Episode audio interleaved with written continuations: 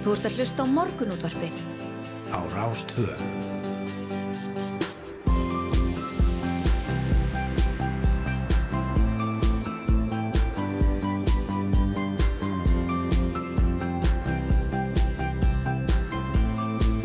Morgunútvarpið. Á Rástvö.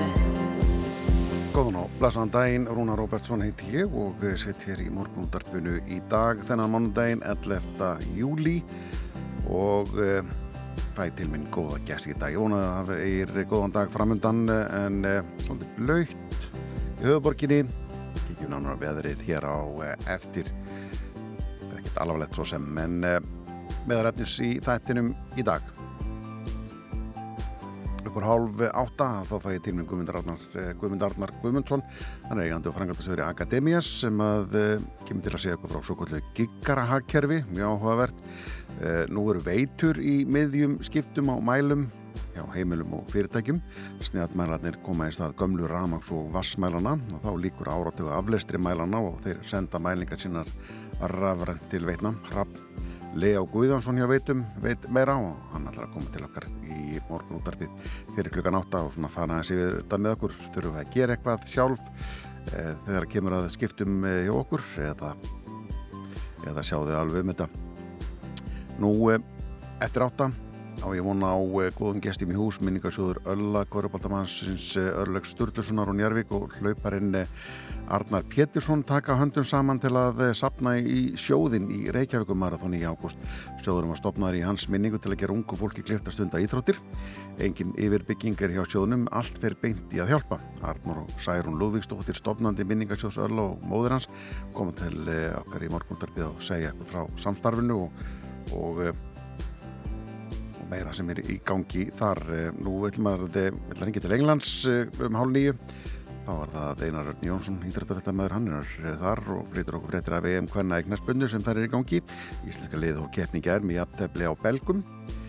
Og í lók þáttar lista á tíðin Lunga á segðis fyrir því var sett um helgina en hún hefur verið haldin í 22 ár samfleitt um er að ræða listaháttið þar sem sköpun, listum og menningu er fagnað með námskeiðum, fyrirlesturum og öðru viðbörðum sem líkur með uppskeru helgi, síningum og tónleikum. Við fáum þórildi tinnu Sigurðardóttur, síninga og viðbörðastjóra til þess að segja ykkur meira af dasgráni. Þetta er svona sem við ætlum að gera í dag. Laufléttur mánudagur í júli, það er eins og það er. Og það er eitt dagblað sem kemur út, svona alltaf er það veðmiðlarnir en morgublað kemur út í dag.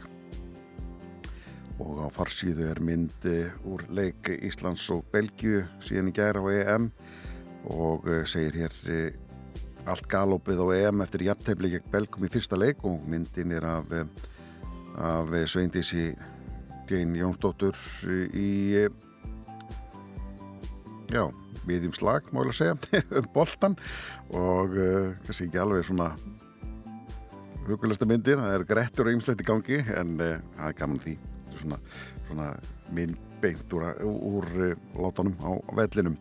Og Sveindistín var oft fór oft íla með varnamenn belga og var útnefnd besti leikmæður vallarins af UEFA í leikslokk hraði hennar var mikill, hún er snegsti eða hraðasti leikmæðurinn hinga til við einhverja mælingar, sá ég.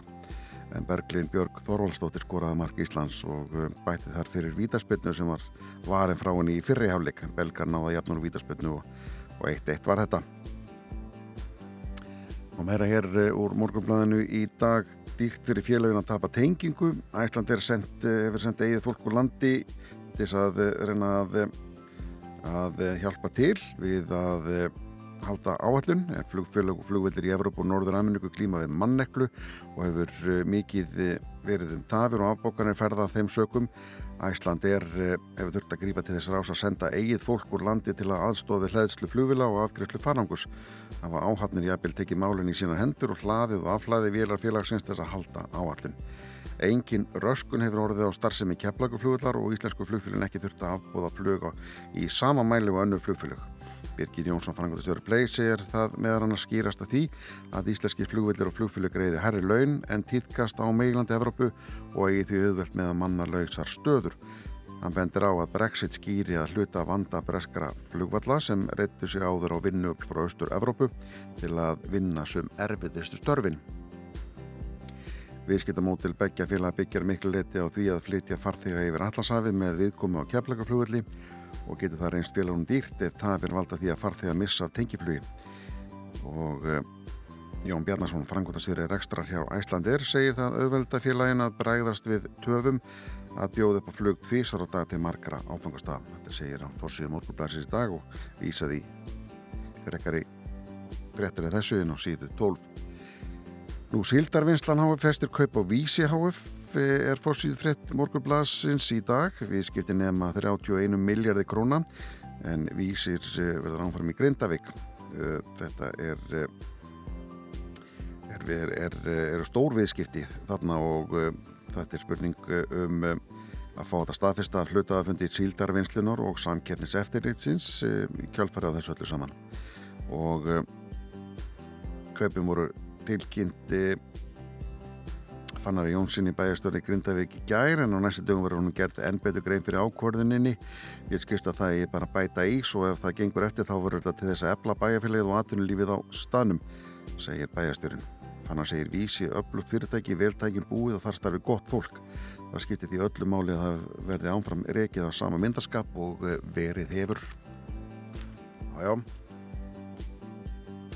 og vakstar möguleikarnir eru í Grindavík segir hérna á síðu 2 í, að framalt frétta þessu. Stórst gref með við kvótareglur líka en en ánur fjallaðum það þá morgublaði í morgublaðinu dag.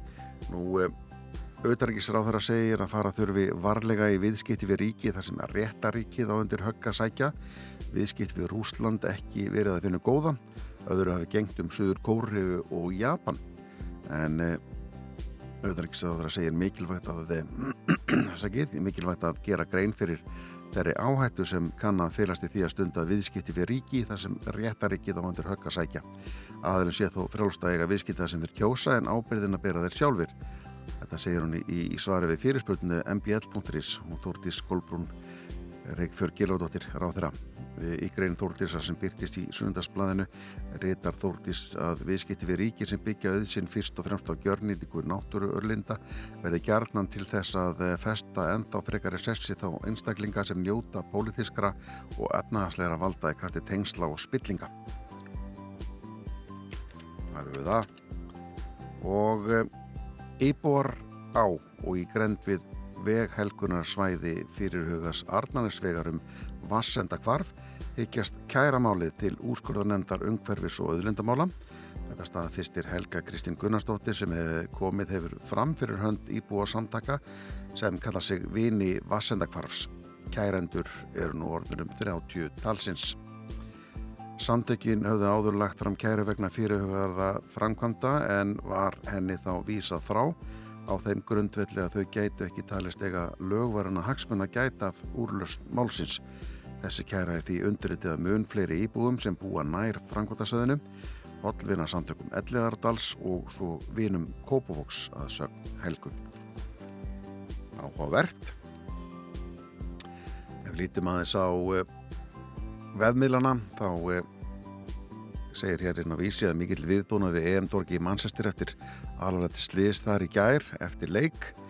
En nokkrir sjúkrabílar og lauruglubílar voru við EM-torgið neðri Piccadilly Gardens í Manchester en sangvært vittum kerti strætisvagn á stræt og skíli þar sem að minnstakosti fjórir einstaklingar voru. Og Manchester Evening News greinir frá en í umfyllum þeirra kemur fram að tæplega 200 manns hafi verið vittna að slísunum og uh, Rúf segir hér í, í fréttum uh, um þetta að þá því nótt að dákáður hópur íslendinga hafi sapnast saman á torkinu síðdeis og einhver íslendingar voru hann að meðal en ekki vitað að það hefur nokkur eh, einhver upplýsingar á borustum að íslendingarna hefur í hópi hinnar slösuð allavega. En eh, við ætla að vikjað vellu um stundu fáum eh, upplýsingar og svo frettir frettina koma á slæginu klukkan sjö. Síðan heldur morgunúndarpið ánfram hér á Rás 2 Þú ert að hlusta á morgunútvarpið. Á Rás 2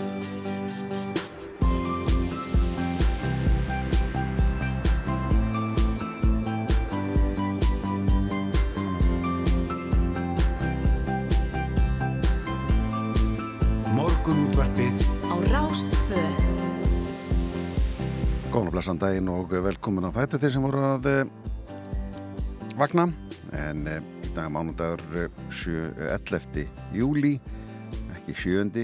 11. júli Rúnar Róbertsson með til klukka 9 í morgun útvarpinu í dag Nú meðal þessum að ég ætla ekki í dag að ég fætti til mig góða gesti í lok þáttar að þá ætla ég að fræðast að þessum listaháttíðina lunga á segðisfyrði hún var sett um helgina en hún, hún hefur haldin í 22 ár samflitt um er að ræða listaháttíð þar sem sköpun, listum og menningu er fagnað með námskeiðum fyrirlesturum og öðrum viðbörðum sem líkur með uppskeru helgi, síningum og tónleikum.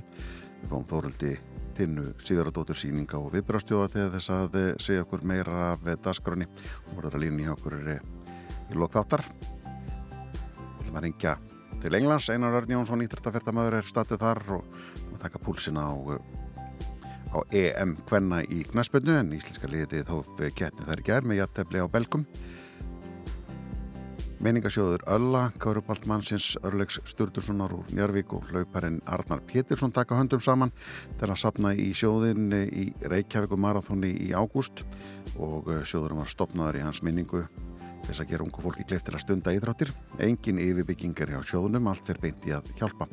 Arnar og Særún Lúðvíksdóttir, stopnandi minningasjóðs Ölla og móður hans koma til, til okkar til að segja nána frá samstarfinu og frá sjóðunum það verður eftir klukkan 8 og um, nú veitur eru í miðjum skiptum á mælum hjá heimilum og fyrirtækjum. Snjadmælanir koma í stað gömlu ramags og vassmælana þá líkur áratuga aflestri mælan og þeir senda mæla, mælingar sínar rafrænt til veitna. Raff Leónsson fyrir ekki þurr Raff Leó Guðjónsson hjá veitum. Veit meira og hann kemur til okkar í morgunáttarpið Guðmundur Arna Guðmundsson, eigandi og frangandastjóri Akademías kemur til okkar til að segja okkur frá svo kvöldu giggarhagkerfi. Hvað er það? Það er að reyða sitt í rúms, að fólk svona ráði sig í stutt verkefni inn í fyrirtækjum, takja eitthvað að sér og yfirgefa svo, yfir svo svæðið og takja sér einhver önnu verkefni annar staðar. Það er svo kallar giggarhagkerfi en Guðmundur Arna segja okkur meira af því.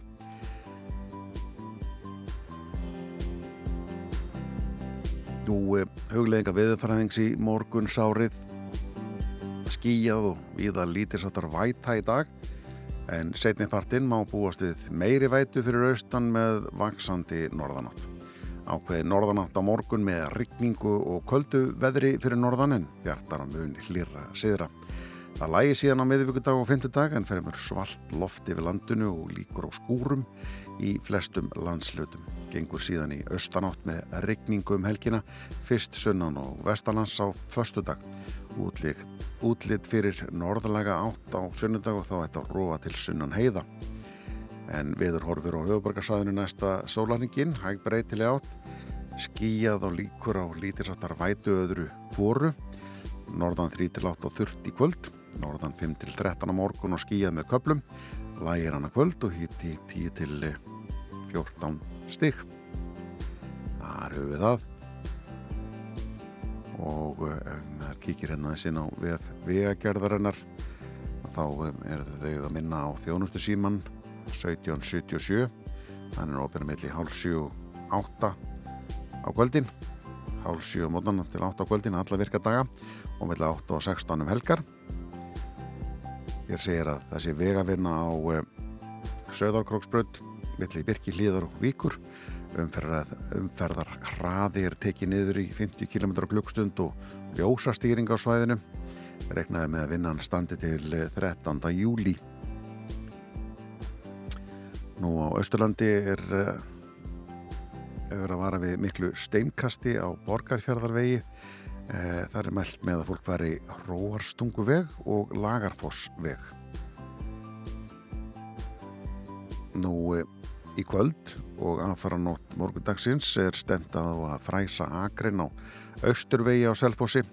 Veginu verður loka til Östurs, hámars hraði lækkaður fram hjá frangvöndarsvæðinu og hjáleiðir verða settar upp. Áallega er að vinna standi frá klukkan 19, frá klukkan 7 í kvöld til eitt eftir miðnætti og uh, hálendið og meðan frost er að fara úr jörð er hálendisvegir viðkvæmur og ber ekki umferð.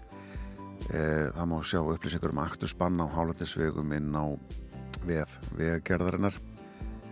En e, svo er það framkvæmdirnar þar eru víða.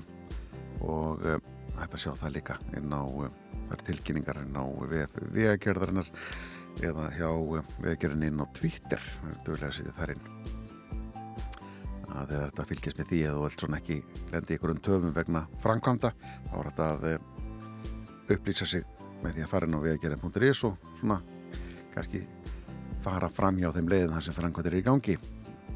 Ef að þólimaðin er ekki alveg með í för þar að segja. Jájá, en fyrsta lag dagsins eh, er eh, með stjórninni. Þetta er það nýjasta frá þeim heitir í, í, í skíjanum og er svona samkrull af gömlum lögum með þeim sett í, í nýjan búning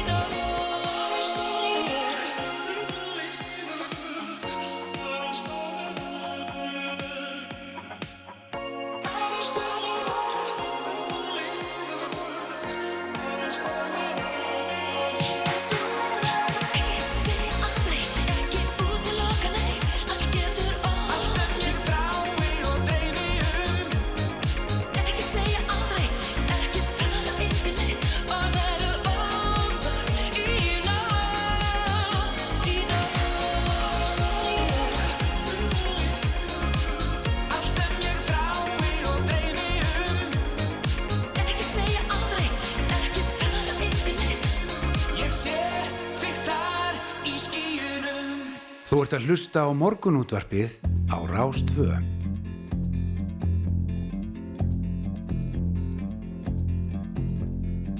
My house in Budapest, my, my hidden treasure chest, golden grand piano, my beauty focus, EOU. Ooh, you, ooh, I'd leave it all.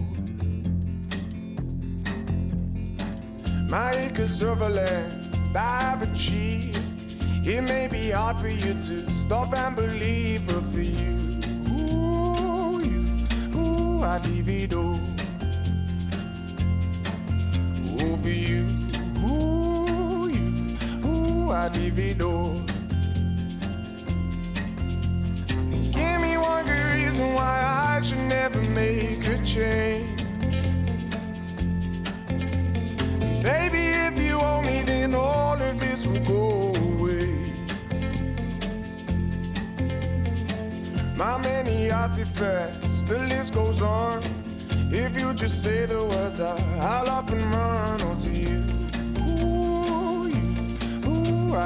I divido. Over you, ooh, ooh, I divido. Give me one good reason why I should never make a change. Baby, if you owe me, then all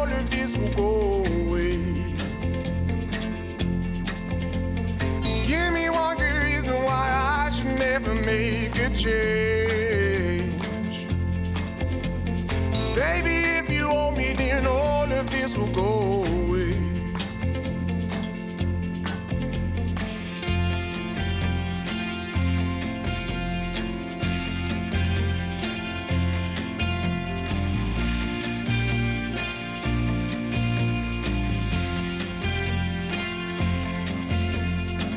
My friends and family, they don't understand. Fear they'll lose so much if you take my hand, but for you, ooh, you, ooh, I'd lose it all. Ooh, for you, ooh, you, ooh, I'd lose it all. Give me one good reason why I should never make a change. Baby, if you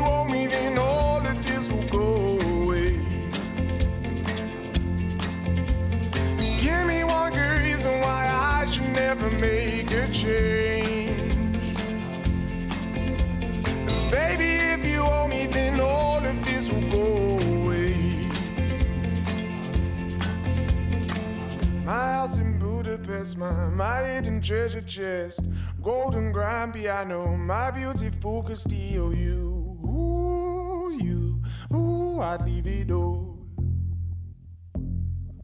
Ooh, for you, ooh, you, ooh, I'd leave it all. Þú ert að hlusta á morgunútvarpið á Rás 2. Já, Rúnar Róbesson með þér í morgunútarprundi klukkan nýju, klukkan eh, farin að eh, já, ganga átta, hún er einhverja 17 myndu tæpar gengin í átta fyrir ykkur sem er, er að, að raumská og koma okkur fram úr. Fýt dagur í dag, mánudagur eh, og eh, fín vinnumenninga framöndan. En ég er svona að kíkja á frétta miðlana og eh, ég sé hér að BBC er með fréttum það að þúsundir skjala sem að var lekið og voru byrtar í Guardian eitthvað af þessu sína það að fyrirtækið Uber sem að er, eh, var að hasla sér öll í, í Evrópu árunum 2013 til 2017 hafi nýtt sér það að, að kaupa, eh, vel að segja stjórnmálamenn til þess að eh, til þess að vinna í sínum málum og eittu um 13 miljardum króna eða 12 miljardum króna á ári að eh, reyna að koma sér á markaðin með, því, með kynningu og eh, með svona að smyrja hjólinn eins og sagt er. En, en eh, þessar eh, Þetta gerist allt saman árunum 2013 til 2017 og eh, stjórn Uber fekk nóg af stjórnum þar eh, árið 2017 á rakan og segir í dag að eh, þetta sé einhvað sem er í, í fortíðinni hjá þeim og eh, ekki, hefur ekkert að gera með fyrirtæki eins og það er í dag svona er ekki liðið og eh, meðan þeirra sem að flækjast í, í þetta allt saman þetta eru þúsundir skjala eh, tölvupósta og eh, annað sem að hafa, sem hafa lekið þarna. En eh, meðan þeirra sem að eh, eru nefndir þarna er Emmanuel, Macron, núverandi fórseti Fraklands en og fyrrum stjóri hjá Európa-sambandinu Níli Krús en þau eru að það unni sérstaklega fyrir Uber á baku tjöldin að í stefnubreiningu laga umhverjum og öðru slíku.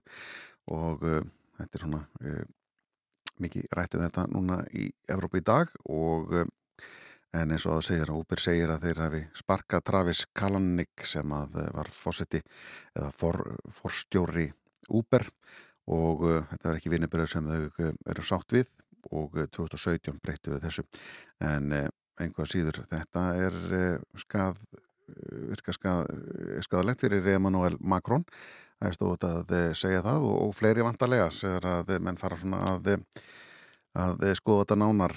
Í byrjun var mikið um lögsóknin gegn Uber í bandarækjan og slíkt og það var ímyndilegt að þar eins og að annars konar kærurinn kýmfyrir áreitni og annars slíkt af höndi bílstjóra þar og, og eitthvað slíkt var, var í gangi og mér að sé að þessi fórstjóri sem að var sem að heitir Travis Kalanick og um, hann mun að hafa heimta það á sínum tíma að uh, það var einhver svo kallar uh, uh, gereðingar og rofi eða killsvits á uh, tölvikjöruna þeirra. Þannig að lauruglæmyndi reyna að uh, komast inn í tölvuna þeirra með einhver, einhver álepi uh, taka þeirra og í einhver álepi á skrifstofunar og þá var þetta ítaðan killsvits og það íður öllu.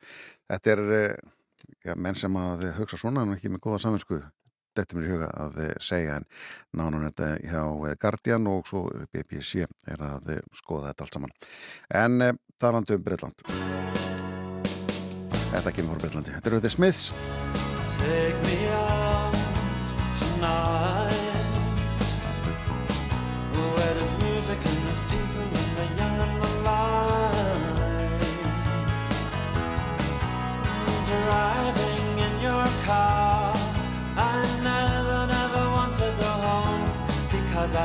got one anymore. Take me out tonight Because I want to see people and I want to see life Driving in your car Oh please don't drop Because it's not my home, it's their home and I'm welcome no more.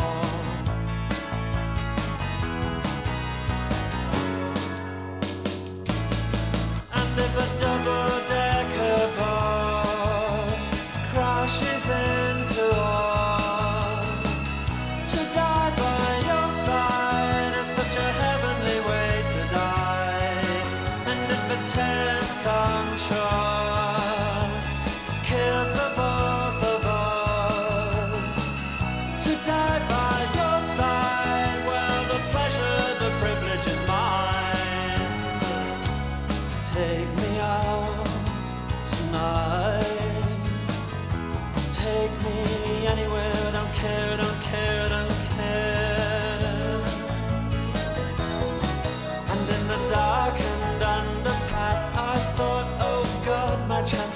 at last. But then a strange fear gripped me and I just couldn't ask.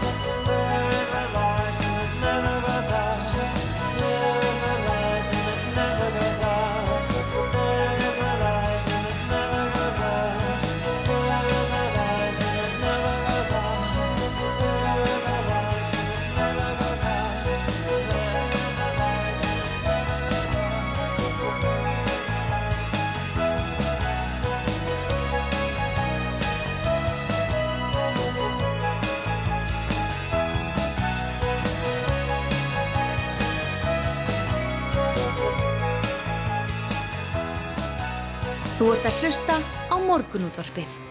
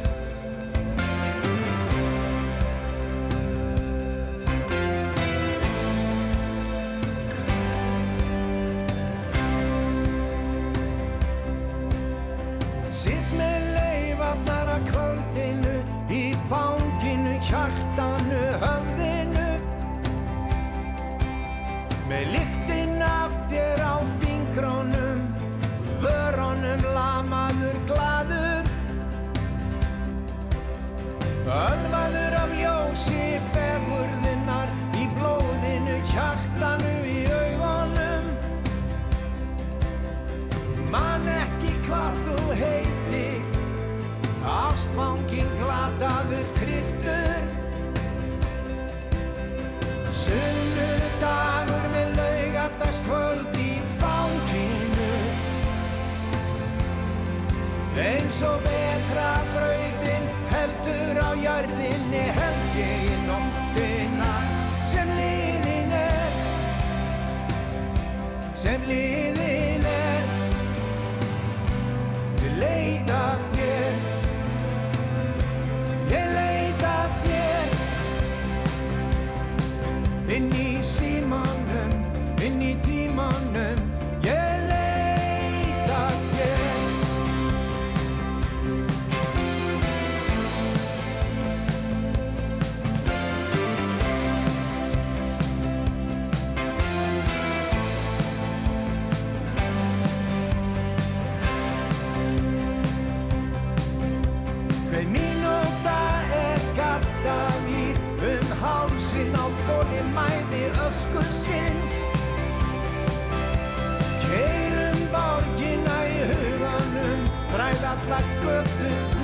hverfin. Sunnudagur með laugarnas kvöld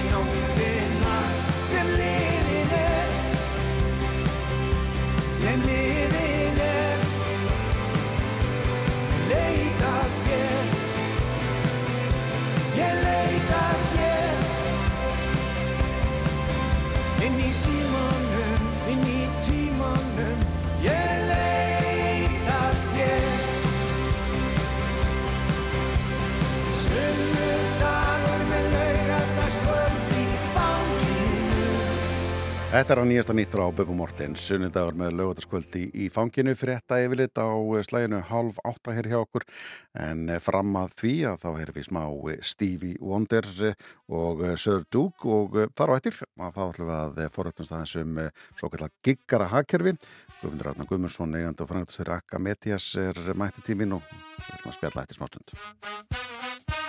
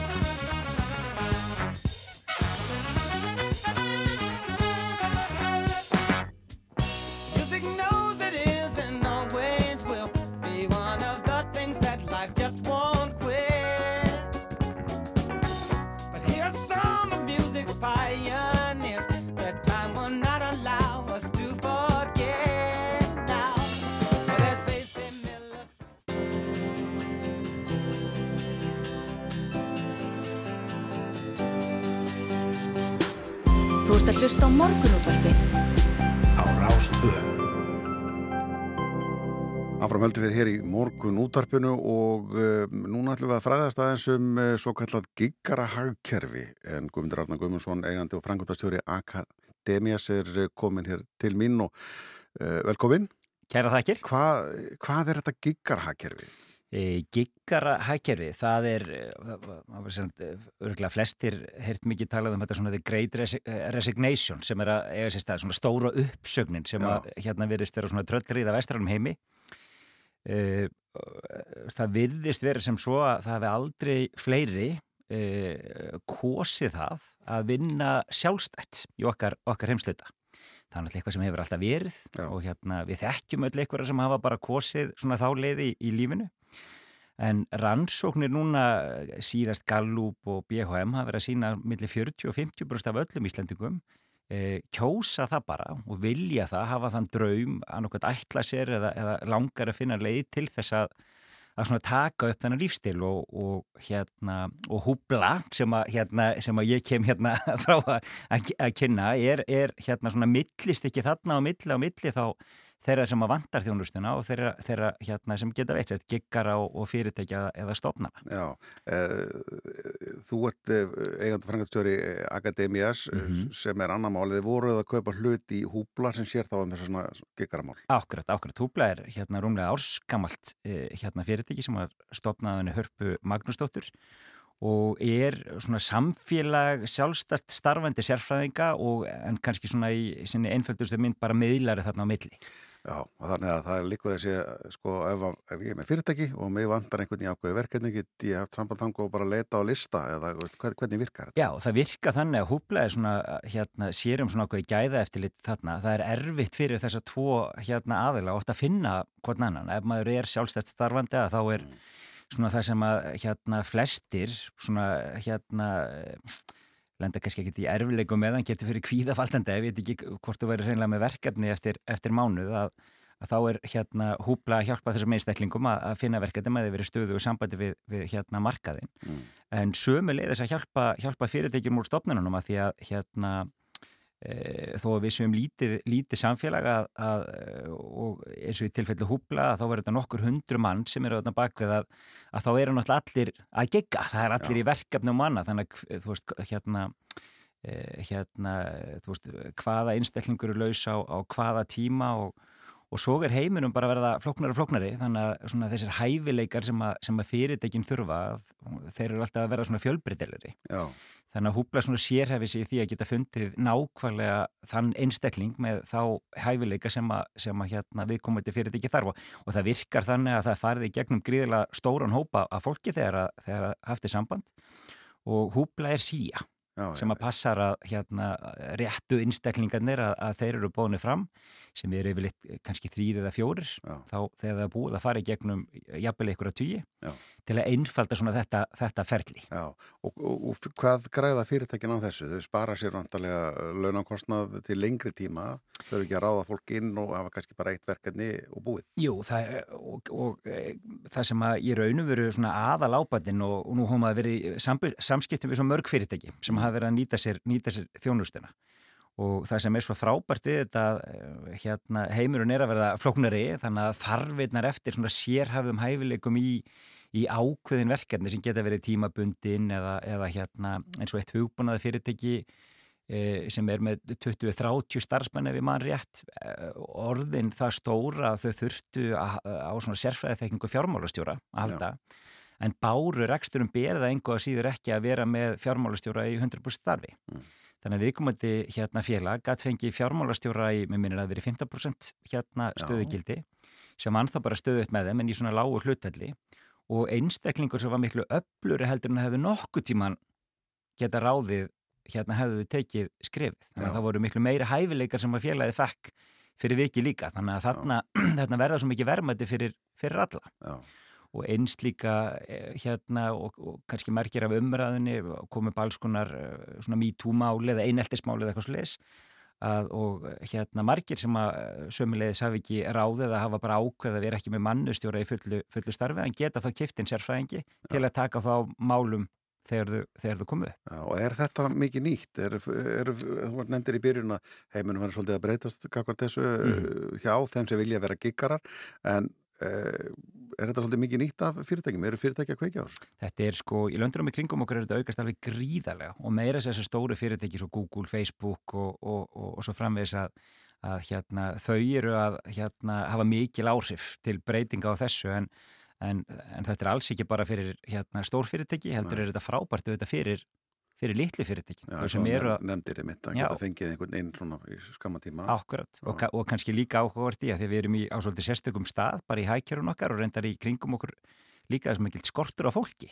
Já, Þannig að og þá er þetta náttúrulega líka frábærleið því að hérna án þess að vera með fólka þá getum við ekki vaksið og, og tannhjólun í reksturinnum hjá okkur fara kannski að högta þannig að þarna er líka svona tækifæri fyrir fyrirtæki og leið Já. til að vinna sér gegnum slíkt að meðan það verða að finna réttu einstaklingana. einmitt. Er engin hætt á, á, á hagsmenn árastrum þegar kemur að því kannski að sami giggarinn fer á nokkur, nokkur fyrirtæki í sama bransa? sem er yfirleitt ef að hérna, eh, hérna ef það er eitthvað slíkt áhugir eitthvað slíku að þá bara skrifa undir trúnaryfilsingu og, hérna, og flest eh, hérna, fyrirtæki í Íslandi hafa í gegnum tíðina verið með ykkurs konar ágjafa sem hafa komið í hérna, lengri eða, eða, eða skamma tíma en kannski munurinn þarna er að að það er þá yfirleitt fólk sem er að koma frá fyrirtækjum sem er að veita slíka þjónustu, Já. ráðgjafa með mikið af fólki vinnu og annað og, og en þarna verður allt eru sér samband til Já. af því að það eina, eh, eða, það sem að húbla gerir er að tengja þetta saman hjálpa frambúð eftirspurna að mætast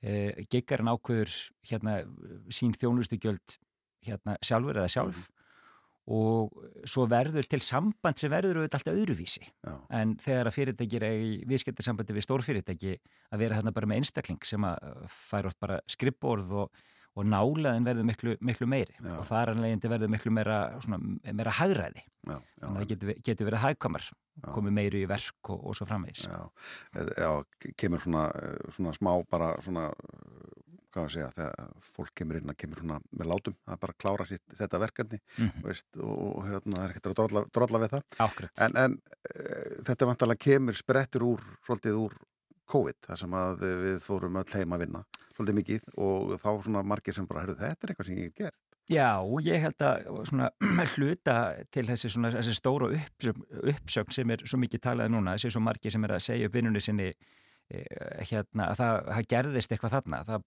fólk upp, upplöðu það kannski að, að því bara leið ekki vel í vinnunni sá að það var bara önnur leið til að hérna til að hérna taka þátt í, í atvinnulífinu. Þannig að það hafði vissulega, vissulega áhrif og við finnum það líka bara. Það er í Evropasambandinu að þá eru verið að búið til lagabolka um giggara og það er þetta komið mjög langt og þá er talað um giggar og skýjara sem er svolítið áhugavert. Giggar er þá einhver sem getur mætt til þín og verið með þér og tekið fundina á vinnutíma.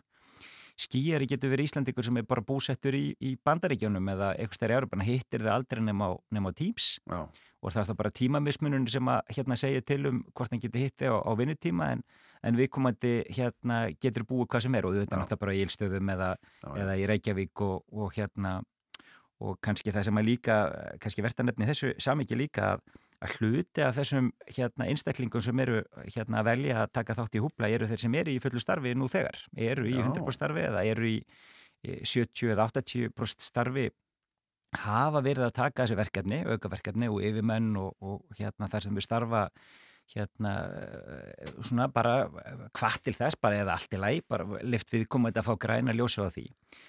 Og en það er náttúrulega svo erfitt að finna verkefni. Um leið og þú ferð að auðlýsa þig eða, eða setja upp skilti að hérna þú sett til þjónustu reyðubúin að þá kannski er það ekkert sérstaklega jákvæmt fyrir, fyrir yfirmannin eða vinnustadin eða, eða fyrir aðra. Þannig að það sem er frábært við húpla líka og það sem að mér, mér þetta er spennandi þegar að við fórum inn í þetta félag er að það er svo stór hópur af í raun og veru talandi sérfræðingum sem eru ósynilegir líka. Já, því að þetta er ekki bara fólk sem hefur ákveðið að vera bara hérna taka þátt í aðrilífuna þennan hátt heldur líka allir hinnir sem er gríðalögu fjöldi og, og rannsóknum þetta sína að, að þetta svona kraumar í mjög mörgum og þá er húplan alltaf frábæra leið til að bara prófa þetta er bara svona eins og að ráða sér umbósmann likur við. Ég, hann má vel að segja það maður, og svona mjög fyndið þegar maður var að tala um geggar, þetta er nú, nú að verða orð sem flestir, flestir tengja við þetta en það hafa samt alveg nokkur sagt spurt mér hvort að þetta væri þá rótarar og eitthvað svona sko, þetta væri, hvað tengt hérna hljómsýta hljómsýta bransunum, að það er ekki hérna, allavega ekki eins og komið rótarar hjá Nei, já, Nei, gaman að hera að þetta er svona ný, ný tenging og hérna alltaf eitthvað nýtt undir solinni og hérna og þá erum við að gera flæða með Guðmundur Arna Guðmundsson eh, eigandi framkvæmstjóri Akademías og hjá Húbla. Takk hérlega fyrir að koma og segja okkur frá þessu. Kæra takkir.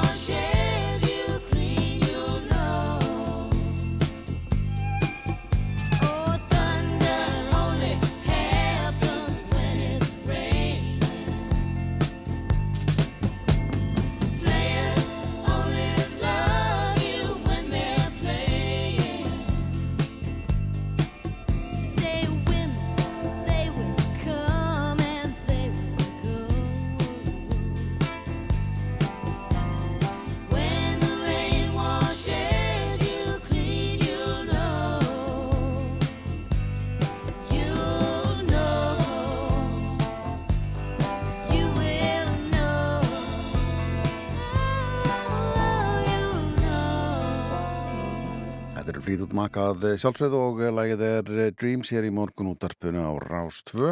Nú eh, þessu næst af eh, úr gigarahakkerfi yfir í annað en nú eru veitur í miðjum eh, skiptum á mælum hjá heimilum og fyrirtækjum og, og snjallmælar að koma í stað gömlu ramags og, og vassmælana og Þá líkur áratuga aflestri mælana og þeir senda mælingar sínar rafran til veitna Hrafle og Guðjánsson hjá veitum er komið tímin. Hann veit allt um álið. Velkomin og góðan daginn. Já, takk fyrir. Eh, Þe, Þeir eru nýfæran stað eða hvað að skipta þessu út. Já, uh, við erum nýfarnar stað að skiptum mælana Já. en verkefni er er búið að vera í gangi í svolítið tíma. Þetta er og búið að vera uh, þrjú og hálft ár í undirbúningi og, og hérna svo gerur ráð fyrir að vera skiptum mæla í 2,5 ár. Já, ok. Hvað eru þetta margir mælar sem þarf að skipta þeim? Þetta eru 160.000 mælar Já, og þetta er á hérna stóru dreifisvæði. Við erum í 19 sveitanfélögum já, já. Og þetta eru þá 50.000 staðsetningar eða sem við þurfum að fara í Já, hjá 90.000 virkitaðunum. og hvað eru margir starfsminni þessu? Það, við erum hérna í að skiptum mæla er þetta svona verður þetta hámarki svona kærku 20, milli 20 og 30 sem verður að skiptum mælana Mm. hverju skipti eins og náttúrulega er líka hópur af fólki í bakvið Já. Á ykkar svæði segiru, en, en það er, það er náttúrulega verið að gera þetta hjá öðrum líka. Þetta, það, það stefnir í þetta um all landið ekki, að skipta út mælum. Jú, flestar veitur eru með þetta á, á sinni dagskrá og eru annarkur þegar byrjaðir eða, eða, hérna, eða vera búnir já. Hva, hvað þarf að gera? Þið, þið mætið á svæði, hinga til hefur þetta verið þannig að í gamla dag kom einhver og las á rammasmælinn hjá manni, bankað upp á og las, síðan var maður farin að skila þessin sjálfur með ljósmyndum og einhverju slíku eh, eða las bara af og, og, eh, og við skipti og svona íbúður eh, þegar maður er að selja og annað slíkt. Eh, núna þarf fólk ekkert að gera þegar þið komið eða eitthvað. Nei, þetta er náttúrulega einna helstu kostum snjálfmælana fyrir okkar viðskiptafinni að þeir Mm. þurfa ekki lengur að lesa af Nei, og, og hérna heldur kemur þetta eins og þú sagðir áðan bara rafrænt til okkar Já. og nota mælanir hérna fjarskiptakerfið til að senda gögnin Já. og þessi gögn koma bara raunur á hverjum degi til, til veitna. já.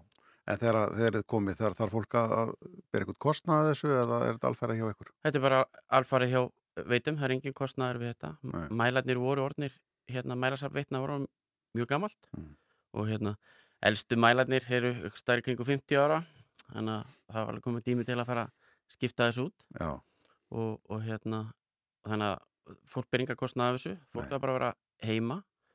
Og hérna eins og ég nefndi á þá hérna er þetta mjög margir aðalar við þurfum að fara, í mjög margar staðsningar þannig að það er mjög mikilvægt að fólk sé heima þegar við hérna komum og, og þið sendið bara þá skilabóti fólk sem að vera heima eða er þetta eitthvað almennt? Eh, verið heima melli 9 og 5 og svo mætið hálf 5 Nei, hann er ekki alveg svo leis en fólk færi nú eru þegar við byrjum á þeirra hverfi þá sendum við hérna svona upplýsingabækling í mist með tölupósti eða, í- eða í pósti. Og svo svona tveim vikum áður en, en hérna mælaskiptin fara fram að fæði fólk bókaðan tíma uh, sem það getur breytt Mm. en alltaf best er að fólk bara hérna sé heima þegar við hérna komum. Já, og svo daginn áður fá fólk SMS já, að, já, að við séum að koma. Já. Eh, eh, En svo ég tala um áðan þegar maður er að flytja og það þarf að lesa mæli fyrir, fyrir í, hérna, eiganda skipti til dæmis, breytist það eitthvað? Það er það bara eitt símtal uppbyttir og, og þið lesið á mælunum stöðuna eða hvernig Já, virkar það? það verður nú verið þannig. Já, þannig að uh, viðskiptarinn geta rauninu bara tilkynnt flutningin já, og við horfum líka til þess að geta vel gert það fram í tíman þannig að veist hvenær þetta að flytja já, já. og, og þá er rauninu bara gerist þetta sjálfkrafa við lesum að mælunum og tilkynnum flutningin já. Og þetta er, þetta er ekki bara rammasmælar, þetta eru vassmælar líka. Já, þetta eru hérna eru 100.000 ramarsmælar og, og um 60.000 hitaveitumælar Já. og svo örfáir eða 2.000 og eitthvað hérna kaldavasmælar sem eru bara hjá fyrirtækjum Já, já, já. Þannig að þeir, þeir, það eru rafvirkjar og píparar á fullu í þessu. Já, og þetta er yfirleitt er þetta teimi sem fer, þetta er ein heimsókn sem er stemt að að þá kemur rafvirki og pípari á, á sama tíma Já, og skiptur um mælum. og aðra þarf að taka rafmagni af. Já, það þarf að taka rammagni af Og vatni. og vatnið og, en þetta er náttúrulega bara örstutt sem þetta hérna, er tekið út. Mm. Uh, sjálf heimsóknin er svona cirka hálftími Já. en hérna uh, það hvað rammagni er úti lengi það er yfirleitt bara svona kringum tíu mínútur eitthvað svo leys. Já, eigið vona því að, að hérna, þetta muni um, bæta álesturinn þar að segja að, að, að þið fáið meira, meira inn, það sem þetta er réttar að lesi, þið skulum orða það þannig. Já, já, það er alveg klá, klárlega þannig Já. að við munum fá mun betri mælingar og, og hérna sem bæði nýtast viðskiptanum okkar því það geta fylst miklu betur með orkunótkunum sinni og það er einu bara dag frá degi Já, já, og er alveg líka gripið inn í hérna svona nótkunafrávik uh, fyrr í staðan fyrir að nótkunafrávingin er eitthvað bilaður opn eða eitthvað sluðis þannig að rennir ómikið heitt vatn. Í staðan fyrir að uppgötast eftir eitt ár þá akkurat. getur það uppgötast bara eftir nokkra daga Já, og sem er mikið hægraði bara fyrir hérna viðskiptafinni já, þeir eru far, farin af stað og hvar, hvar byrjiði? Nei, Eh, hvað, þeir eru konum með hvað einhverja tíðust mælaði ekki í, í gagnið? Jú, það eru komið tíu smælar komin að stað Já. uh, við byrjum á svona prófunasvæði hérna sem var hérna í 103 og, og, og hérna upp í Breiðhaldi Já, uh, svo byrjum við raun og veru svona vestast í, í, í hérna Reykjavík já, og færum okkur austur og förum aðeins út á land og svo komum við og tökum hérna Kóp og, og, hérna Garðabæi og Hafnafjörð svona undir lokin já. Eh, Greinilegt að þetta hefur gefist vel fyrst að þeir eru rúkið að stað eftir þessar prófanir. Já, já, þetta bara gekk, gengur mjög vel. Já. og hérna. Hvað áallið að þessir mælar verði lengi? Því að hérna tækninu flegið fram á, og svo leiðut komið snjallmælið þá var hann nú núreltur eftir einhver tíma. Já, mælarnir hérna raunir fá hafa nágæti löggildingatíma og, og hérna og eftir þennan löggildingatíma þá þarf að, prófa þá. Og hérna ef þeir standast þá hérna, er þetta notað áfram. En líftími svona hérna um, hugbúnaðarins og, og, og hérna mælarna við gerir á fyrir þessi átján ár Átján ár, já. Já. Já, já, það er nokkuð vel, vel í legt með, með það. Með að við svona, að maður þarf að henda símanum sínum og tvekjara fresti í, sko. Þannig að hérna, eh, er ágætis ending á þessu. Eh, vantarlega bara byrðið fólk um að taka vel á mó- móti ykkar, ykkar fólki í þessu og mm. áallega vera hvað, t- tvö, þrjú og hálft ára þessu? Já, tvö og hálft ár, Tvö og hálft ára, já. já, svona ré- rétt rúmlega Já, svona nýjastu tölum já, einmitt. Komið upp á sem er svona eitthvað vissin? Nei, nei, auðvitað kemur alltaf eitthvað upp á en, en ekkert svona sem hérna þarf að tala um sko að- Og talaði um löggildingu á þessum mælum. Eh, Gerið þið það sjálfur eða, eða sjálf sig Ef að, upp á að, að, að hann sé að mæla rétt? Við hérna erum með svona hérna kerfi til að halda utan um það Mm. en þeir, við erum með hérna prófunastofu sem mælir Já, hérna tekum mælan út Já. þannig að við förum og sækja þá og hérna skilum við inn til prófunastofu já, einmitt. Allt á reynu þarna, Rannlega Guðjónsson hjá veitum takk fyrir að koma til okkur og segja okkur aðeins að þessu. Þetta er foröfnilegt. Margir að fá heimsóknir núna næsta árum frá okkur og uh, uh, ég segi bara njóttu dagsins, það sem eftir lífi dags. Já, takk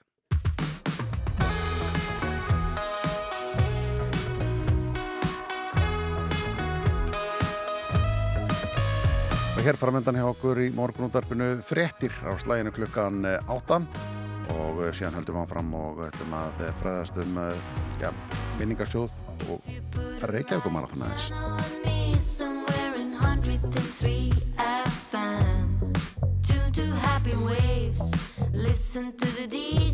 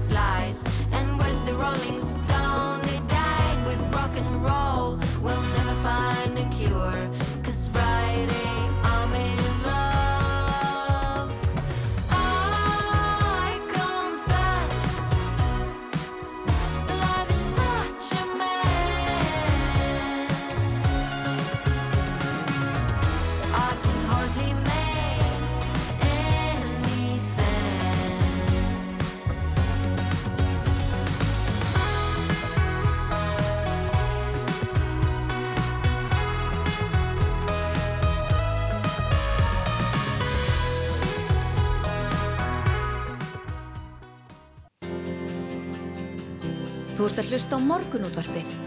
á Rástvö.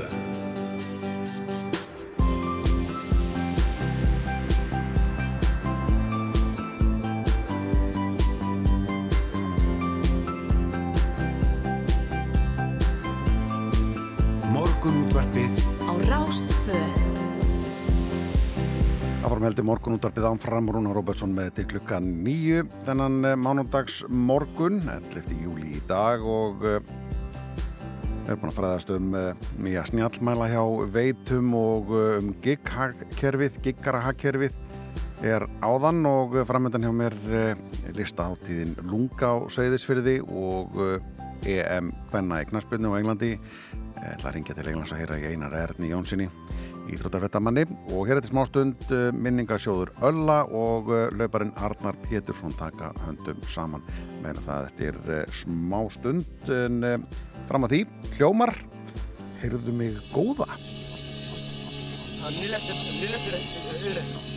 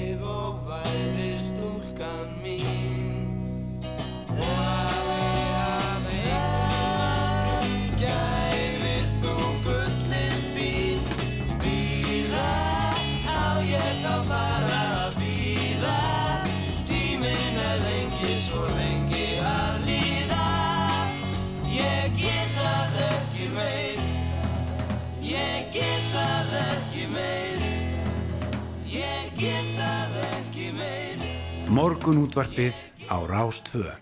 Já, eh, og þessi næsta þá er það eh, já, hlaup og, og, og hreyfing og minningarsjóður og eh, þetta er allavega að ræða hér núna en minningarsjóður Ölla, hverjubaldamannsins Öllegs Sturlusonar úr, Njarvík er stopnaður í hans minningu til að gera ungu fólki klift til að stunda íþróttir og þar er nógum að, að vera engin yfirbyggingar hjá sjóðunum, allt fyrir byndi að hjálpa og uh, svo er hann Arnar Pétursson mættur hingað uh, marathonlaupari, hann að aðeins að ræða við okkur um, um hreyfing og hann er slíkt sem að tengist nú þessum minningarsjóðu þannig að, að, að hjálpa fólki að, að vera klefti sem gera unga fólki klefti að stunda íþróttir og Arnar er mættur hérna á Sanda Særunu Lúðvíksdóttur sem er stopnandi minningarsjós Ölla og, og móðir Ölla, velkomin bæði tvö. Takk fyrir það. Eh, ef við byrjum á, á, á, á þér, eh, Særún, eh, þessi sjóður er búin að vera til eh, þó nokkuð lengi. Eh, Já. Hafi verið hérna, hefur gengið vel að greiða úr með að styrkja fólk? Já, uh, við erum, þannig var stopnaði 2013 og þetta er svona þróun að vinna Mm. en hann er klárlega, það er klárlega þörf fyrir hann Já. og þetta er eins og segir engin yfirbygging og þetta er allt gert með mikil verðingu fyrir börnunum og þau eru, þau eru í fyrirrúmi hjá Er þú bara, er bara einn hann kannski í þessu? Nei, framkvæmstjóri sjóðsins er í rutt, frænka Já, mín og já. við erum svona að vinna þetta aðalega bara tvær og svo erum við með stjórn og, og svo erum við með hérna, endurskoðandur eins og vera ber. eins og vera ber og allt og við erum búið stoltar af því að, að það hefur aldrei verið greitu kostnaður úr þessum sjóð frá, frá stopnunas Já. Allt fyrir börnin, það er bara styrkur inn og styrkur út Og hve- hvernig, hvernig styrkiði Já, krakka? Uh, það, það er þannig að við erum að stóla svolítið á samstarf við þjálfarana, kennara og alla þá sem vinna með börnum Já. og það er meiri hluti st- en að styrk beðnana koma frá fólki sem vinnur með börnum Já. og þá eru við náttúrulega konar mjög mikla staðfestingu á því að þarna sé mikil þörf við afgrefundu bara 1, 2 og 10 og hérna svona sem dæmi bara frá fjórða til 7. júli, ég get ekki gefið henni nokkuð dæmi að þá styrkjum við 12 ára stúlku 63.000 krónur það sem hún er að fara erlendis á fimmleikamót Já, já. 12 ára stúlku sem er að fara á fótballum að tjellendis 13.000 krónur sem vantaði upp á og fóreldra gátt ekki borgað uh, 59.000 fyrir 16 ára fótballtadreng sem var að fara erlendis í æfingaferð og 77.000 fyrir 15 ára fótballtadreng sem var að fara í æfingaferð erlendis Já. þannig að hérna, þetta er alltaf hérna, frá 4. til 7. júli Já, ok. Já, Og þetta er bæði háar og lágar fjárhæðir. Þetta er bæðið alveg niður í 5.000 Já. og upp í 200.000. Og, og hvernig gengur að sapna í sjóðin? Það hefur gengið bara mjög vel. Sjóðunum stendur vel, við höfum notið velvildar fyrirtækja í gegnum COVID þannig að, og Reykjavíkumarathónu er okkar aðal fjáröflunar uh, starfsemi þannig að við stólum, höfum alltaf stóla svolítið á hlaupið Já. og það skiptir mjög miklu máli held ég fyrir öll góðgerra fyrirlög í landinu að hlaupi gangi vel og, og fólk styrki. Einmitt. Þannig að, að það hef ekki verið núna tvö ár, það er búið að vera erfitt, en samt ekki, við höfum eins og ég segi notið velvildar hérna, fyrirtæki á meðan Já. Og vonandi áfram. Já, einmitt. Fyrir þá sem ekki í- í munna og þekka uh, svona einu öllug Sturluson að, að þá var hann einn af efnilegstu köruboltamönnum landsins á, á sínum tíma og fjall frá sliðsförum en, en fyrir þá sem tengja í köruboltan hann og Logi Gunnarsson voru svolítið samferða, Já, já, og Jón Arnór og Jón þessi góðu Stefánsson. strákar, já. Já, þannig að en, en, e, þessi minningarsjóður settuð settu í, í, í gang mitt fyrir þetta allt saman. Arnar Pétursson, uh, marathónlaupari, Já.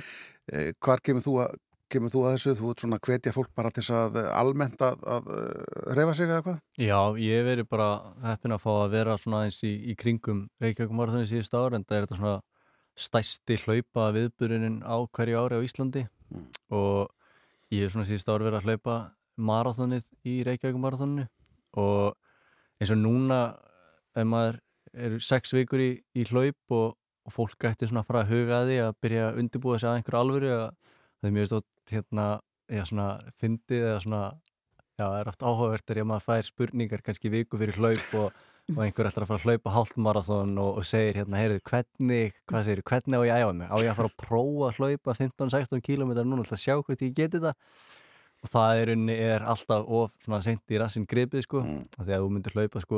Ekki múin að hlaupa neitt og hlaupa síðan 15 km þú myndir aldrei ná að jafna þig áður en að 21 væri hérna viku setna sko Já, meinar. Já, þannig að maður vill svona helst alltaf passa upp og bara fólk gerir þetta rétt og að, fólk passi eins vel upp og líka mann og hægt er og þá svona vill maður vera með eitthvað svona ágætan undirbúning og, og sex vikur er rauninni mjög góður undirbúning til að fara svona vel út úr hlaupinu sko. Er það þá ekki sex vikur, ég meina það, það er þá þeir sem eru vanir að hlaupa og þú fer ekki bara úr, hérna, úr kyrsetu í það. Já, við myndum vilja, þú veist, ef þú myndir vera að, byrja, að fara svona frá kyrsetu þannig séð, þá myndir þú vilja allan að vera með svona sex vikur til þess að geta Já. bara passað upp á að, að líka menna þið sé svona tiltölulega heill eftir þetta. Því það er bara, það er alveg stór hluti af fólki sem að hleypur í Reykjavík marathoninu kannski sem eina hlaupið sem við tekum þátt í árinu Já. og ég meina fólk sem er að líka hlaupa fyrir góðgeramál og, og það mæti sama hvað sko Já. og hérna sem er frábært og ógeðslega gaman að fylgjast með sko Já. en það var svona, maður vill passa upp og reyna að, að, að líka minn fáið svona smá, smá tækverð til að undirbúða sig fyrir höggin Já, og það er náttúrulega hægt að segja að það geta allir hlaupið svona, uh, sem að eh, geta nota fennar, geta, geta hlaupið. Ég menna Pétur Jóhann vinnu minn, hann hljóp nú hérna fyrir nokkur árum síðan og Já, þá finnst mann einhvern veginn svo geti þetta nokkur, nokkur veginn Já, ég eiginlega sko, ég sakna þess, ég væri til að hann væri bara svona marathonmaðurinn ár eftir ár sko, það var algjör snild sko að fylgjast með því sko. Já, hann tók sér líka alveg alvarlega. Já, já, það var hérna eh, svona skemmtilegt sko. Já. ég man í mættanum ekkert um á hlaupni sko hérna þegar ég var að æfa og það var alveg hérna peppandi sko Já. að sjá ólíklegustu menn Já, einmitt. En, en Reykjavíkumarafinu það var að vera að sapna og eru þið með einhverja svona skjólstæðinga sem að sapna fyrir ykkur? Já, eh, við erum reyndar ekki komið með marga núna, við höfum alltaf eh, verið með góða hlaupara. Já, Það er verið, já, fólk er greinlega sent að ákveða sig í ár, en við erum alltaf með mjög mikið húlum hæ, þetta er svona hátíðistagur hjá okkur já, og við höfum alltaf verið frá alveg frá byrjun. Við erum með þarna salin á Safnarheimili Fríkirkjunar sem er á besta staðnir í bæ og þar erum við með veitingar fyrir gest og gangandi og alla hlauparan okkar, myndatökur og, og hérna reynum að gera alltaf mikið úr þessu. Já. Við erum með kvartningastöðuna við hambúrgarabúluna já, góða staður. já, og þetta er bara sko, við segjum alltaf ég og Marja þetta er bara besti dagur ásins sko. Já. það er bara ótrúlega stemmingan það neyri bæ ég er alltaf mætt annað klukkan átta til að opna salin og maður finnur það er svona eitthvað í loftinu þetta er alveg svona ómissandi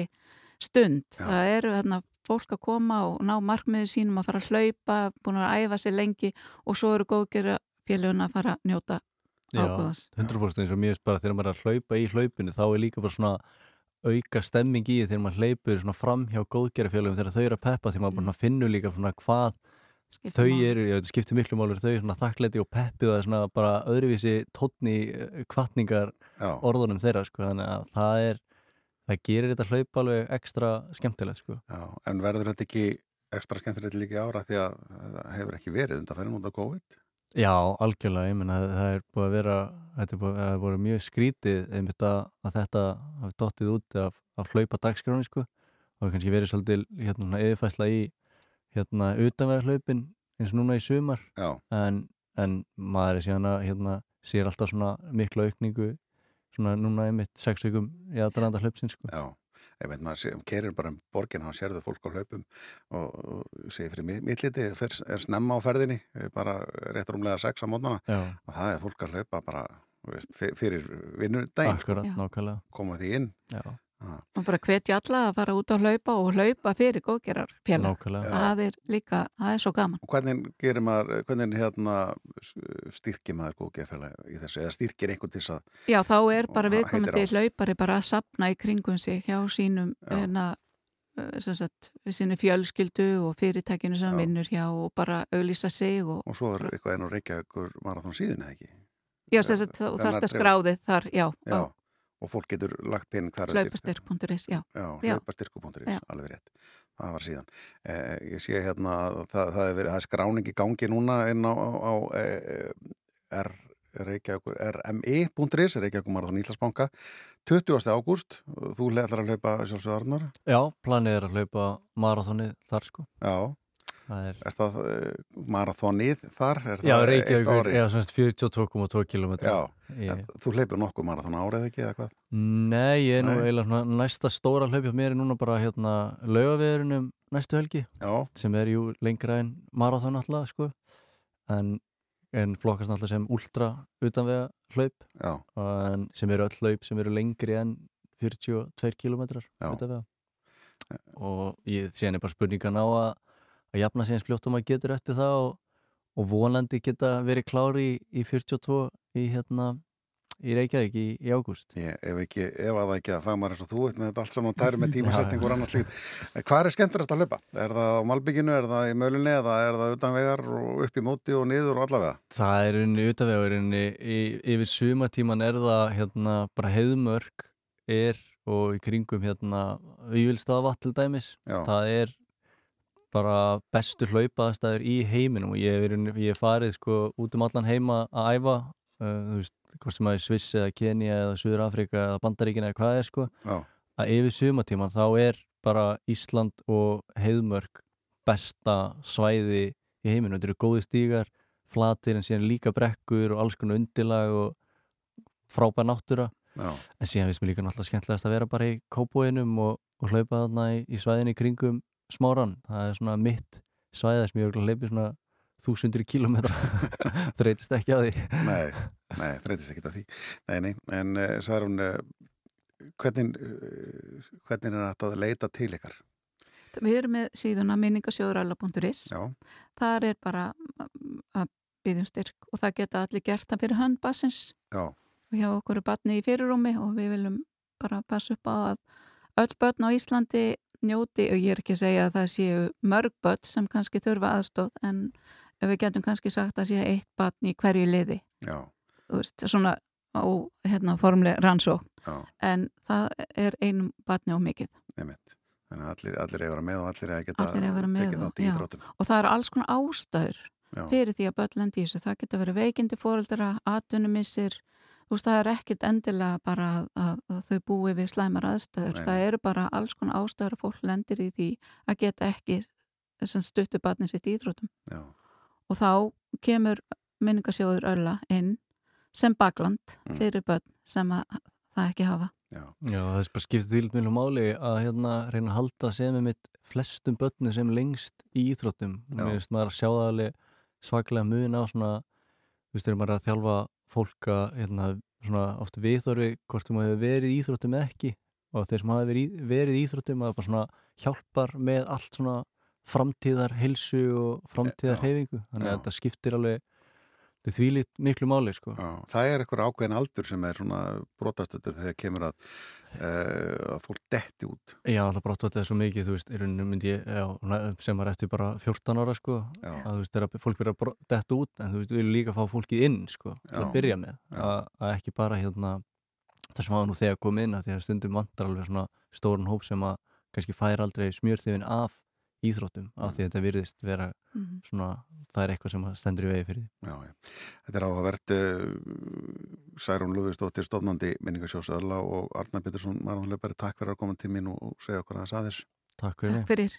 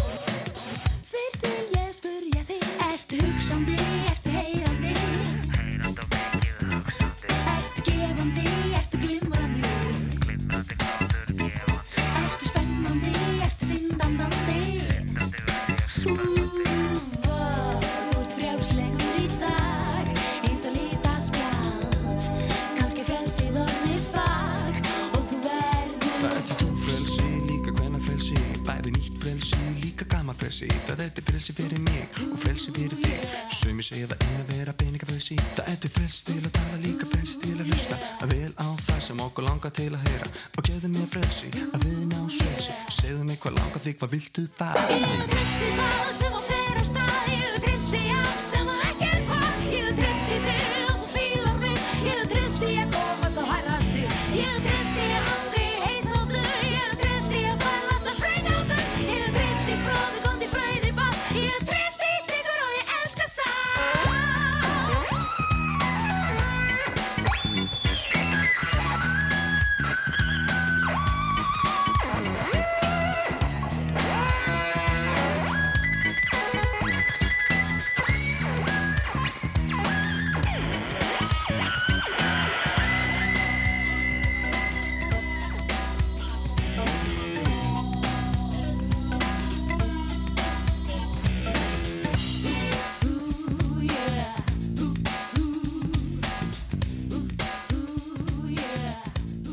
Tóttmobil, trillt heitir læð, já þau voru að fara hérna út hjá mér, Særun Lófingsdóttir, stofnandi minningarsjós Ölla og uh, móðir hans og, og uh, Arnar Pétursson, marathón hlaupari áhugavert að uh, taka það til þessu, finna minningarsjóður ölla.is, finna hann þann á netinu svo er ekki eitthvað marathón eða að fara að stað eins og hann sagði og, og nú er tíminn til að fara að gera sig klára til þess að taka þátt í því sex vikur í þetta allt saman.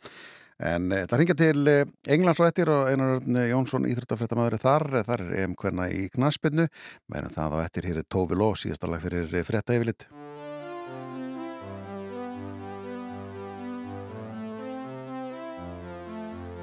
We were so magical, why end this way? I know you're furious, you're just like me. You got good reasons, but I do too.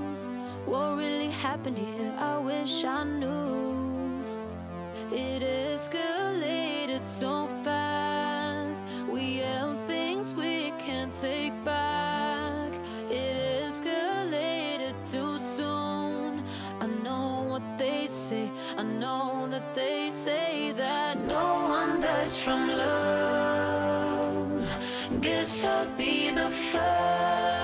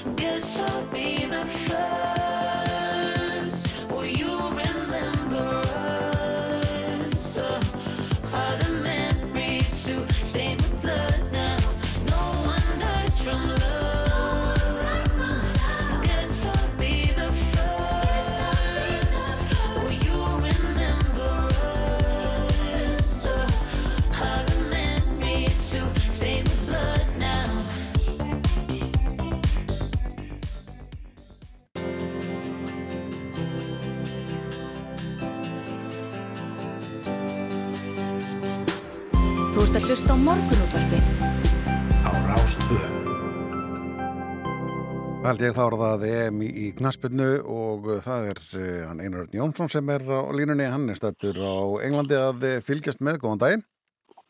Góðan daginn. Þetta byrjaði skemmtilega hjá okkur í gær, þrátt fyrir 1-1 jætteflega og þetta var ágætlega skemmtilega leikur að fylgjast með, þetta er ekki samála því. Belgia Ísland. Jú, jú.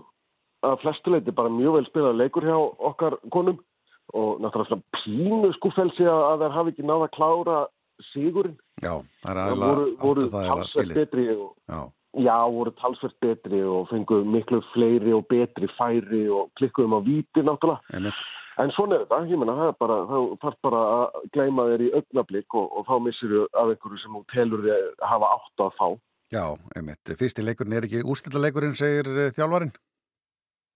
Já, já, há rétt. Ég meina það er Ítalja næst og það er steinlágu gegn Fraklandi í fyrir neitt.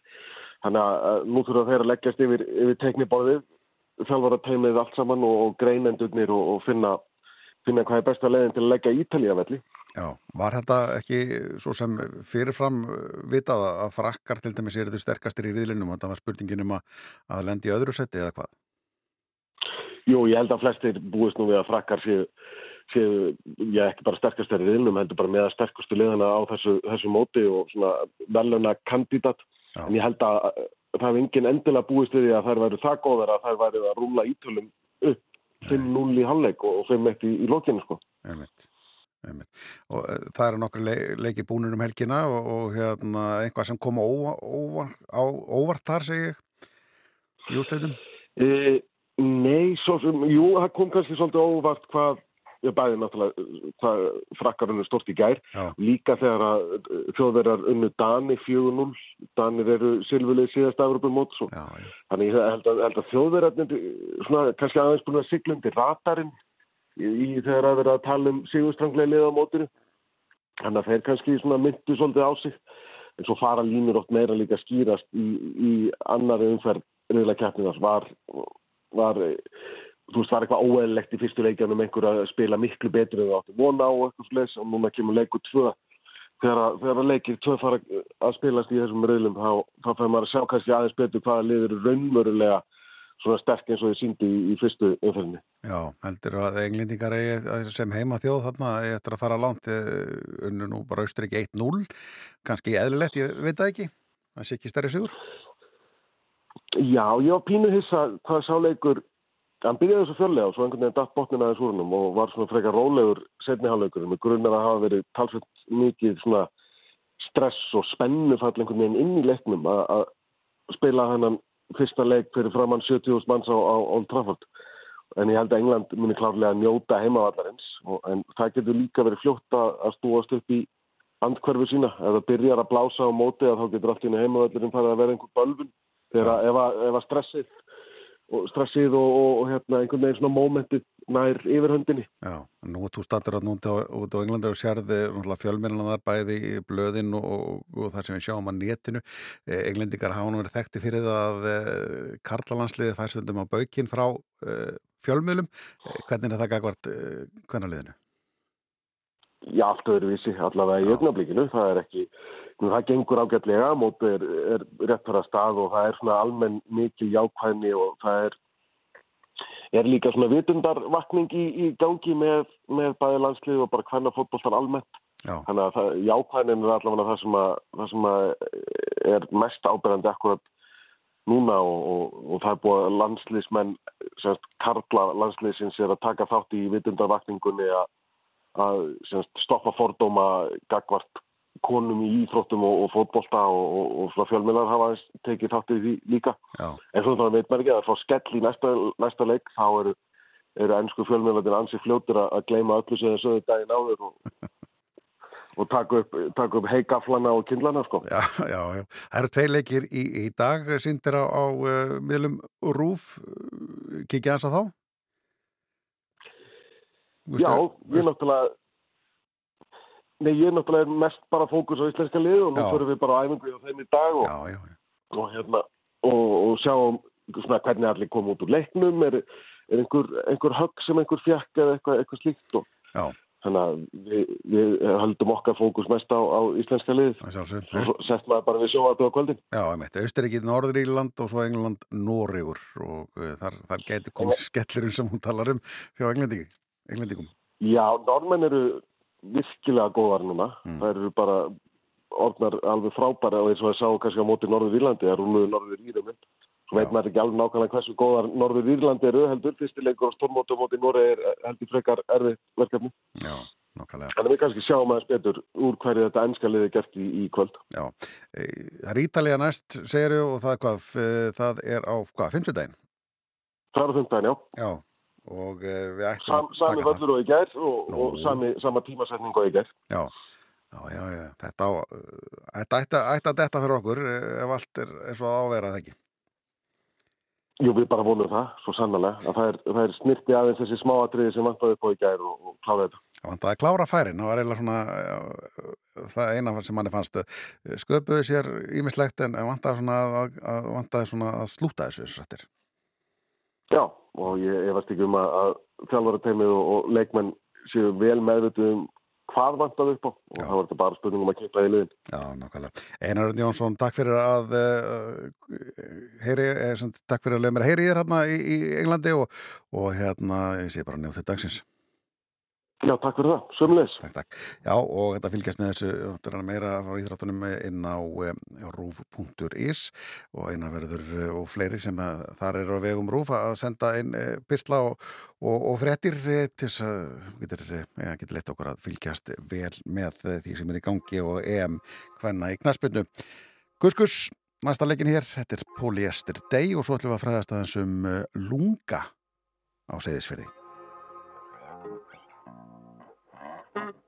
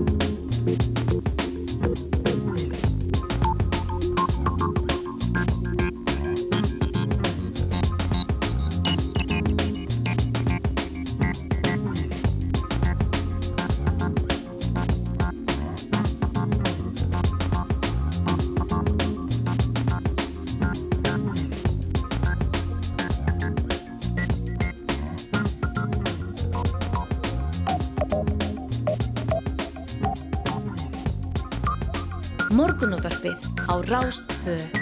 Alla virka daga frá 6.50 til 9. Áfram höldum við í morgun útarpinu hér á Rást 2 og e, í gær hófst listaháttíðin Lunga og á Seyðisfyrði og e, á línunni hjá mér er Þóróldi Tinna Sigurðardóttir síningar og viðbyrjastjóði góðan og blessaðan daginn. Hæ, hæ. Þetta fór allt saman að staði okkur núna um, um helgina.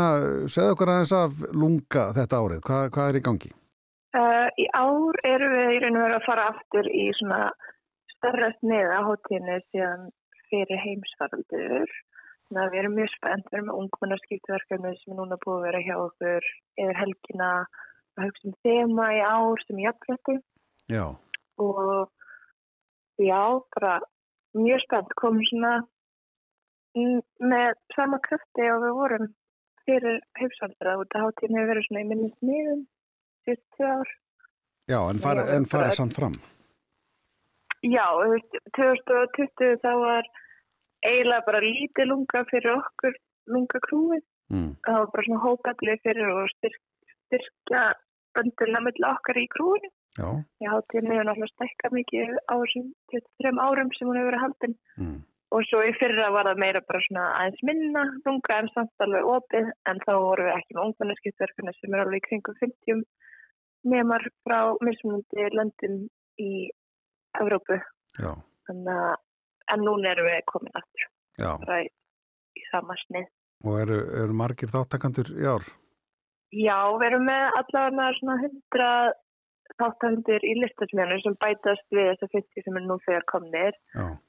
Svo með teiminu og öllum listamennum sem eru að koma þá eru við alveg, alveg 100 manns eða 150 manns óna það og svo náttúrulega fáum við merka sem við fengið yfir tónleikana sem er í næstu næstu helgi Mm. sem að hátíðin endar á þá hefur við verið með svona 3200 manns Já, já, já. uh, og á laugardegin núna þá fáum við líka 2000 mann sem er ferjunni sem eru er að lenda á laugardeginum þannig að það verður alveg heldur betur stappa þeir eru með fjölskyldumarkaðin okkar á laugardegin.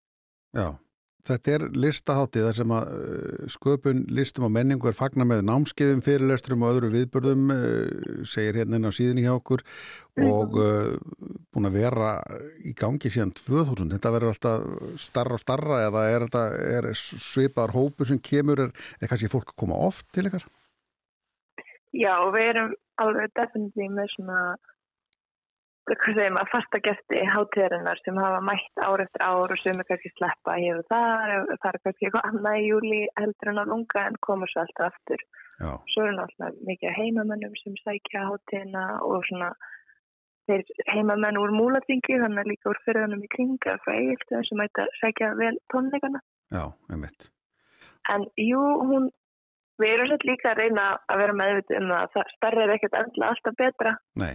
Og þessi hátíð á náttúrulega svona græsrótar sögu og, og þetta snýst allt um list og bara allir er rétt að því að skapa og njóta listar á sínum einn fórsendum. Um, þannig að við erum líka kannski að reyna að passa að hún sé ekki bara að stækka og stækka, heldur líka bara að við finnum góðan farveg fyrir hana. Já, nákvæmlega. Og þetta er náttúrulega bæði listaháttið og skóli. Já, þannig að lungalistaháttíðin er veru svona aðskilu batteri en náttúrulega mjög svona eða þú veist, þeir eru mjög tengd lungaskólinu á háttíðin. Já. En háttíðin í raun og veru gefur svona smjöstef af því sem að líðháskólinn, lungaskólinn hefur upp á að bjóða. En það sem ég er nú með viðbyrjastjóran hérna á, á, lýrinni að þá getur kannski sagt okkur nánar af þessum tónlingum sem að verða. Það er nú engin, engin smá listi af, af hérna, tónlistamennum sem kemur hann fram. Mhm. Við erum sko með alveg fullt, fullt að tónlistamennum að koma. Það er eina Bríeta Byrnir sem eru svona kannski stærri nöfnin fyrir yngri kynnslóðunar. Svo er Svala líka bara að koma á stíðustokk. uh, svo eru við líka með aðeins minni, minni kannski tónlistamenn en, en samt alveg jafn góða svona sem eru með eitthvað tengsl við lunga. Um, og svo líka yfir vikuna þá verður á þriði deginum með Ultraflex spila sem eru, sem eru svona Kari og Katrín Helga uh, alls konar skrattar og Russian Girls svo er náttúrulega mjög spennandi verkefni sem ég er búin að vera yfir með í samstarfið Pink Iceland. Og það er þess að já, svona þrýr fulltrú dansflokks í Pólandi sem er uh, svona kynstein hópur af einstaklingum sem dansar eftir sem Madonna gerðarlagi Vogue, þannig að þau eru svona Vogue-hús Já, já. uh, og þeir eru koma allegina frá Pólandi og verða í herðubreið bíósalunum á fyrsteinum með fyrstu Vogue-sýningar svo ég veit af Já. uh, á Íslandi. Já, og svo náttúrulega er svo vera ber þegar að fullt af listafólki kemur saman og hefur gaman af tónlist, þá er karaoke. Já, já, já. Háttinn í raun og veru er sett með karaoke Já, með em, Emili hérna, nei með Snor- Snorra Emilsson og heimamanni og Sigrunu Geðu sem að kemur frá Reykjavík og Já. þau hafa gert þetta núna síðustu þrjú ár og bara ná svo vel saman og stýrir þessu í samningu og það er ótrúlega vel stóttur viðbjör en það er smerri kannski heldur en tónleikarnir sem hátíðin endur á. Já, og þetta var ekki, þetta var það er fámennt en góðmennt. fámyndi góðmynd en, og, þetta var í gerkvöldi og setur svona svolítið stemminguna. Já, það setur algjörlega stemminguna. Þau fara í búninga og stýra kvöldinu og, og svo er Sigrun líka óperusönguna þannig að hún tekur líka okkur svona gullperlir á næla velli. Já, einmitt. Og svo er, svo er það fjölskylduháttíðin ykkar. Segðu mér aðeins af, henni. Já, hún er sagt, núna haldin í annarsinn og það hefur bara gengið mjög vel svona aðeins að vera með á að bjóða fyrir kannski fjölskyldinu yngri börn eða þannig að þá er svo gaman að koma og mæta og það er markaður og líka einnig svona smá tónleikadagskrá og blöðurur og kandifloss og hoppkasti. Já, já, einmitt. Uh, já, í, í dag uh, sé ég hér að það, það er opnarna síningun Exercise og, við erum með hana Stort Void sem er síningur opnin líka og lifandi síning. Það, það, er, þetta er, er nógum að vera fyrir listurundur þessa dagana. Mm Já, við erum sem, já, það eru fjórar síningur opna núna fimm Já. og það eru á mismundi stöðum og það er ótrúlega spennandi allt mjög ólíka síningar en, en tala samt einhvern veginn sína milli. Um, og það er einmitt Nermin El Ansari með Exercise, hún er ekkisk listakona sem er er búsett í Reykjavík. Og svo er óðundari með lifandi síningu þar sem hann er að húflúra alla vikuna í glerkassa út á grasballa hliðina á átatíkinu og svo er Francesco Fabri og Blair Alexander að gera eitthvað mjög, mjög, mjög, mjög spennandi dót inn í sílónum með ljósi og hljóði. Og svo er svona minningarsýning uh, til heiðurs Tóti Van Helsing sem var fastagestur og, og í krúinu á sínum tíma Já. á lunga. Hún fjall frá þannig að þetta er svona sýning sem að vala sérstu Tótu Helena Aðalsteinsdóttir og Katrína Spaþýra sýningastýra af öllum verkunum en hún var textil hannur og alveg gerði alveg trilltar hannanir þannig að það er líka Þetta er skemmtilegt. nóg að gera í kvöld. Já, heldur betur. Og svo sé ég hérna morgunin Mountain Shadows í gamla bakaríinu. Mhm. Það er mjög áhugavert. Já, það verður ótrúlega skemmtilegt. Tília Harrison sem að rekur menningarheimli hér herðubreið uh, hún er búin að vera í nýja sjálfandi þar sem að hún kemur upp frá að klára doktorskráðinu sína Já.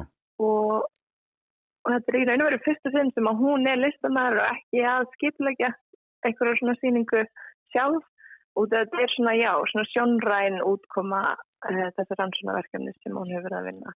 Já, tal, talar hérna um, um, um svona samskiptin eða tengslinn við náttúruna og, og, Mhm. og uh, að búa í, í bænum og svona hvað þetta er nálat náttúrunni og annars líkt og tengir það veginn. Já, sem að segðisfjörður og svona in mountain shadows í skugga fjallana.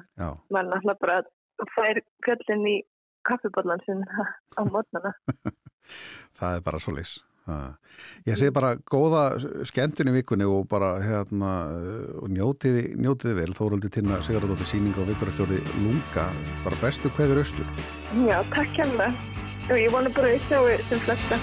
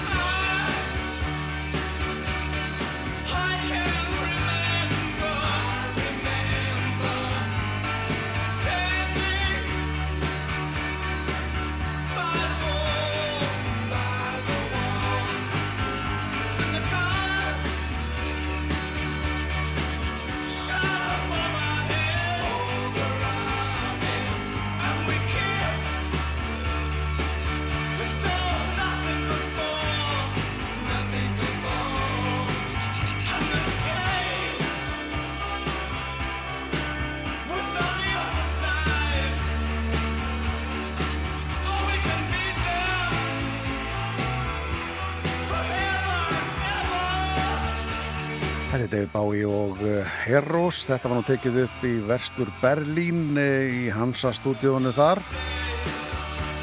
Er svo margt annað eh, frábært efni hefur verið tekið þar upp.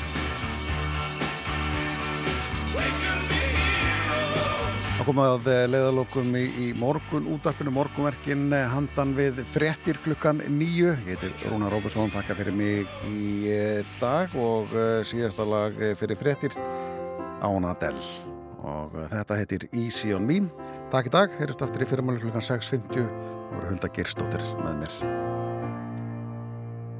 There ain't no gold in this river that I've been washing my hands in forever. I know there is hope in